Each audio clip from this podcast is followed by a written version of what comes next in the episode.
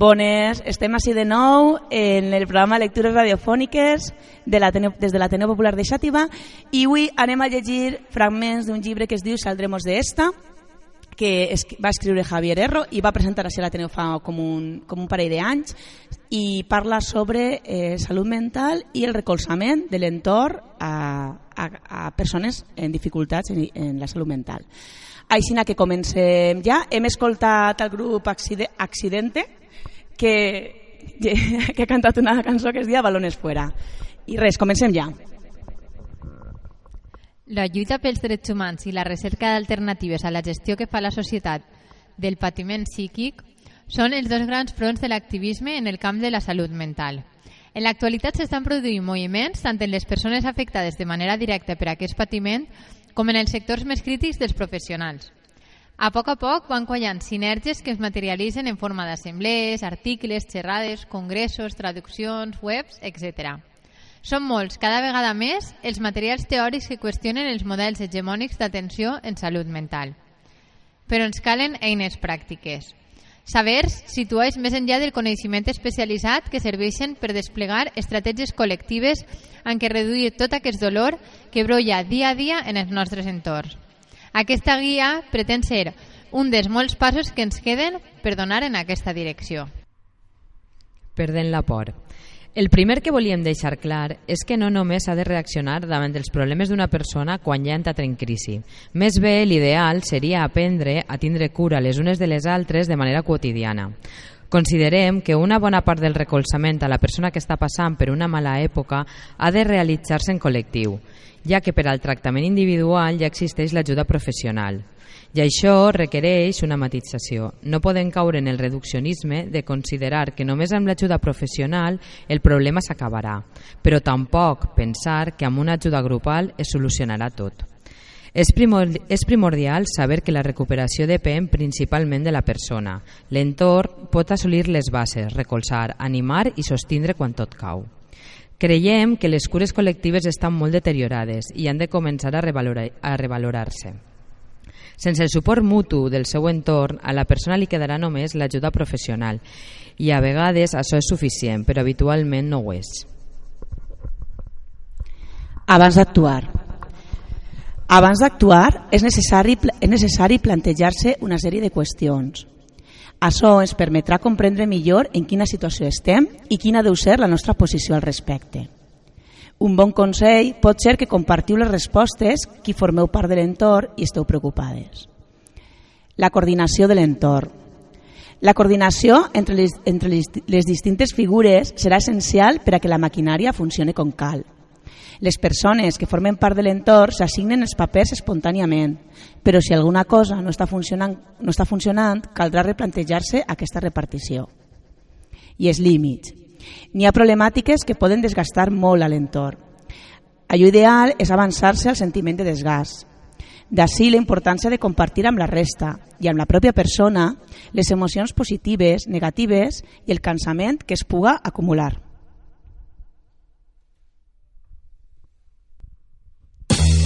En Joan s'ha suïcidat! No es preocupe, senyora, això ja sol passar. Una bomba al carrer! No es preocupe, senyora, això ja sol passar. Han robat el meu banc! No es preocupe, senyora. Això ja sol passar. El món s'està tornant boig! No es preocupe, senyora. Això ja sol passar. Passa això i més i més, i més. I encara passa poc, i poc, i massa poc. No es pot seguir igual des que neixes fins que et mors. I on es cansa, senyora, de menjar sempre el mateix, i de comprar el diari, i de dormir al mateix llit, i un se sent humiliat quan afaitant-se la barba li conten contes de nen. I tot acaba llavors amb això que em conta ara, suïcidis, atracs, bombes, bogeries, i més, senyora, i més!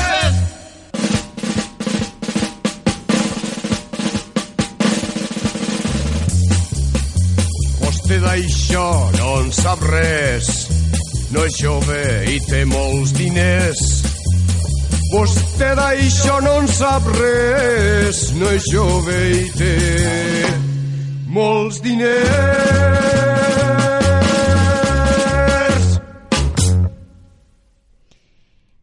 Principals formes de patiment psicològic. Aquesta llista no té la intenció de classificar, sinó de proporcionar un coneixement molt bàsic a l'entorn. En aquest sentit, la informació sempre ha de ser ampliada, recorrent a fonts professionals serioses i més encara a la pròpia persona. Deliri.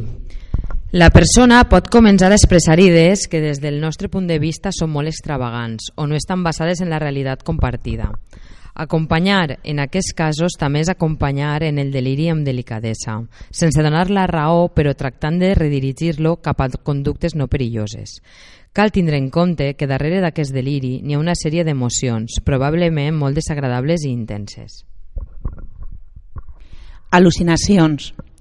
Les al·lucinacions són percepcions que la persona té i que les demés no. Si alguna persona de a prop expressa que està tenint una al·lucinació o considerem que l'està tenint per allò que diu o fa, abans de res cal mantindre la calma.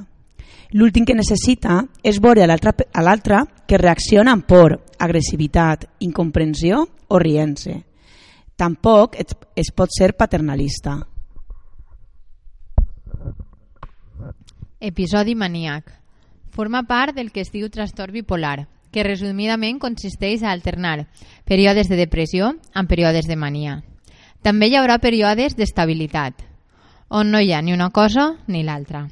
El que l'entorn pot fer en aquests episodis és l'acompanyament, tractant de frenar en la mesura del possible les conductes de risc. Cal tenir en compte que la comunicació amb la persona pot ser una mica complicada i també que seguir-li el ritme pot ser esgotador. Depressió. La depressió suposa un estat d'ànim baix, més o menys intens, que es perllonga en el temps. Davant d'aquesta problemàtica, mai cal gastar tòpics com tot anirà bé, et queixes per queixar-te, però si ho tens tot, o vinga, alegra eixa cara. Aquestes expressions habitualment fan sentir pitjor a la persona, ja que poden donar-li la sensació que ha triat el malestar de forma voluntària. Una de les principals recomanacions és la d'ajudar a l'hora de reprendre activitats que anteriorment es realitzaven. És aconsellable anar a poc a poc, seguint el ritme de la persona i sempre negociant cada abans. Consum excessiu de drogues. Incloem aquest apartat perquè el consum de drogues, quan comença a prendre massa protagonisme en la vida de la persona, és probable que estiga responent a un patiment psíquic latent. És molt complicat decidir quan una persona està consumint més drogues de les que duria, principalment perquè és impossible saber quines drogues i en quines quantitats es poden consumir. A l'hora de comunicar la nostra preocupació, haurem de tindre molta cura per a que la persona no es senta atacada. A ningú li agrada que li diguen que té un problema amb les drogues. En el cas que la persona estiga disposta, preguntar què necessita, si vol evitar certs ambients, quins tipus de plans alternatius es poden realitzar, quines situacions considera de risc, etc.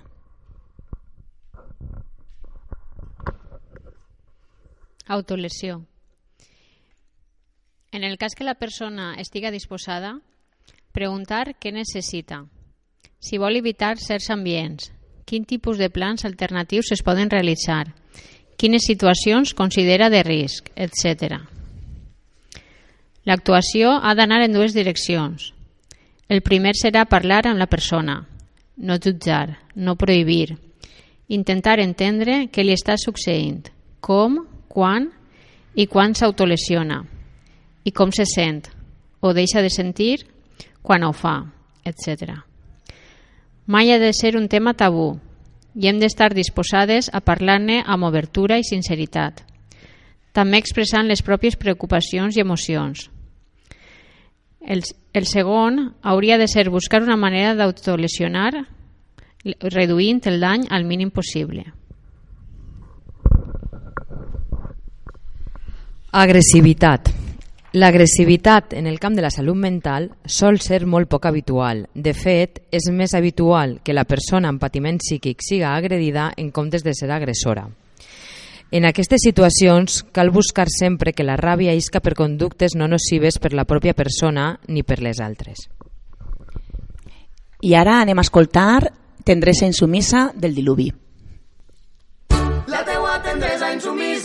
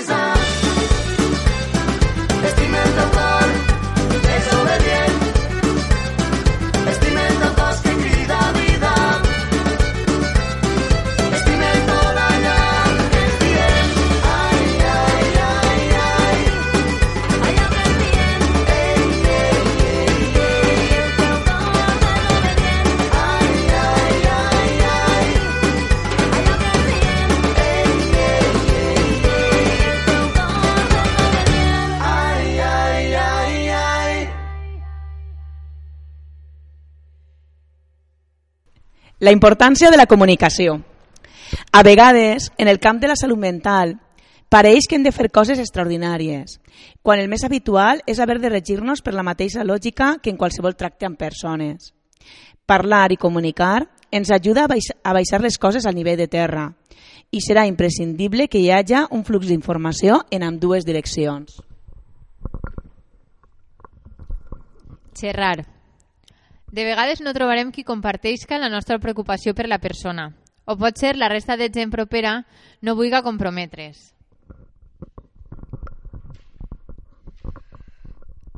Comunicar-se l'entorn sense la persona.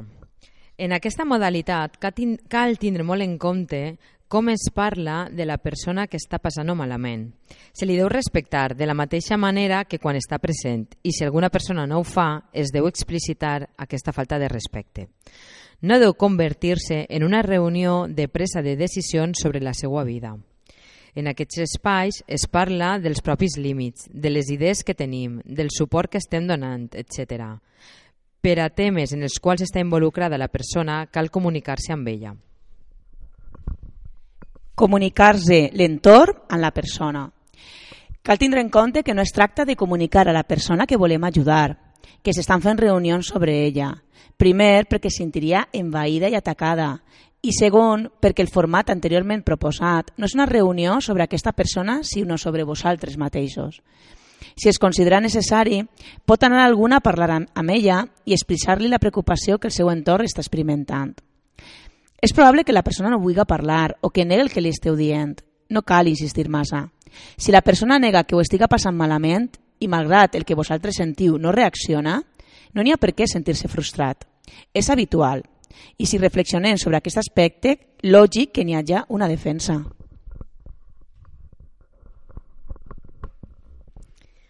Reunir l'entorn amb la persona. Aquesta modal modalitat pot servir si la persona vol expressar una necessitat, demanar alguna cosa o comunicar alguna decisió o reflexió. L'ideal seria que aquesta reunió la proposés ella mateixa, però també se li pot suggerir o animar a que ho faça si es considera apropiat. Recursos a emprar. Pactes de cures. Els pactes de cures es creen mentre la persona està bé. En ells especificarem què tipus d'ajuda és necessària quan s'està mal i com fer-la efectiva. Concretar situacions. És important que es contemplen diferents nivells d'actuació. Si és molt important el treball terapèutic profund que la persona pot realitzar per si mateixa, en un grup de suport mutu o con un professional, no podem oblidar que el malestar augmentarà en certes situacions concretes. Fer juntes una llista d'aquestes situacions pot ser una bona manera de començar a treballar i reduir el malestar. Juntament a aquesta llista es poden escriure també possibles estratègies que ja han demostrat funcionar o que és probable que funcionen.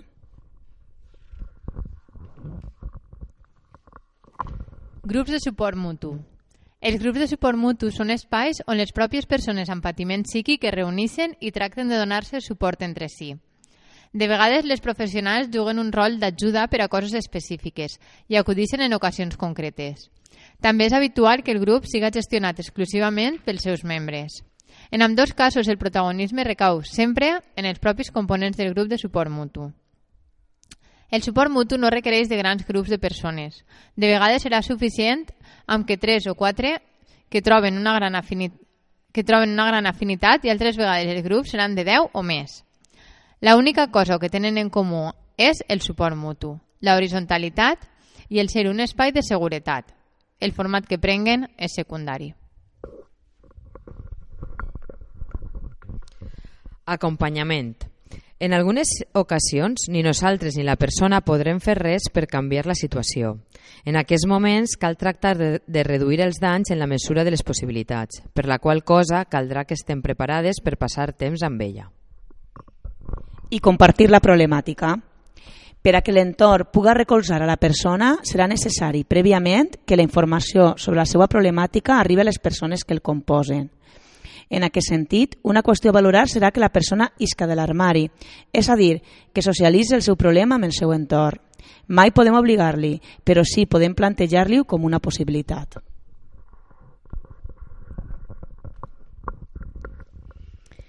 Apunt sobre l'ajuda professional. Moltes vegades no sabem si la situació que se'ns presenta requereix d'ajuda professional. Aquesta és una decisió que convé prendre la persona que està patint, amb l'entorn acompanyant a l'hora de valorar pros i contres. En qualsevol cas, el més lògic és acudir en funció de la quantitat d'intromissió que la problemàtica tingui en la vida de la persona i de les eines que disposi l'entorn. Generalment, no hi ha una urgència a l'hora de buscar ajuda professional. Aquesta opció es pot sospesar i valorar en calma. Una bona idea és buscar diferents opcions, informar-se sobre l'enfocament de cada terapeuta i fer una bona llista de pros i contres de cada opció. I acabem el programa d'avui amb Cortatu i Assemblea de Majaràs. Bona nit.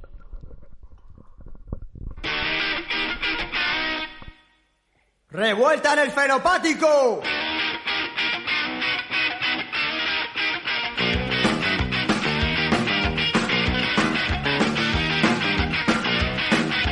Revuelta en el fenopático. El hombre del tiempo arcado. Por haber informado. Granitos, rayos, truenos y viento huracanado. La asamblea de Majaras. Se ha reunido la asamblea de Majaras. Ha decidido la asamblea de Majaras. Se ha reunido la asamblea de Majaras. Ha decidido. Mañana sol.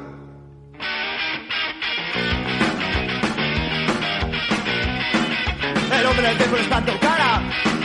Mañana hará el tiempo que a mí me dé la gana. Revuelta del fenopático. El hombre del tiempo caro. Y todo para del juzgado.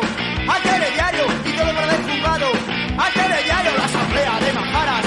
Se ha reunido la asamblea de Majaras. Ha decidido la asamblea de Majaras. Se ha reunido la asamblea de Majaras. Ha decidido.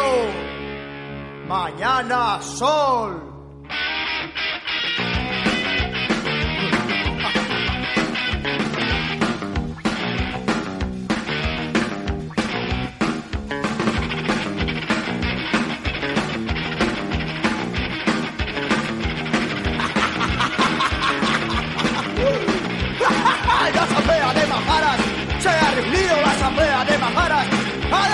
La de.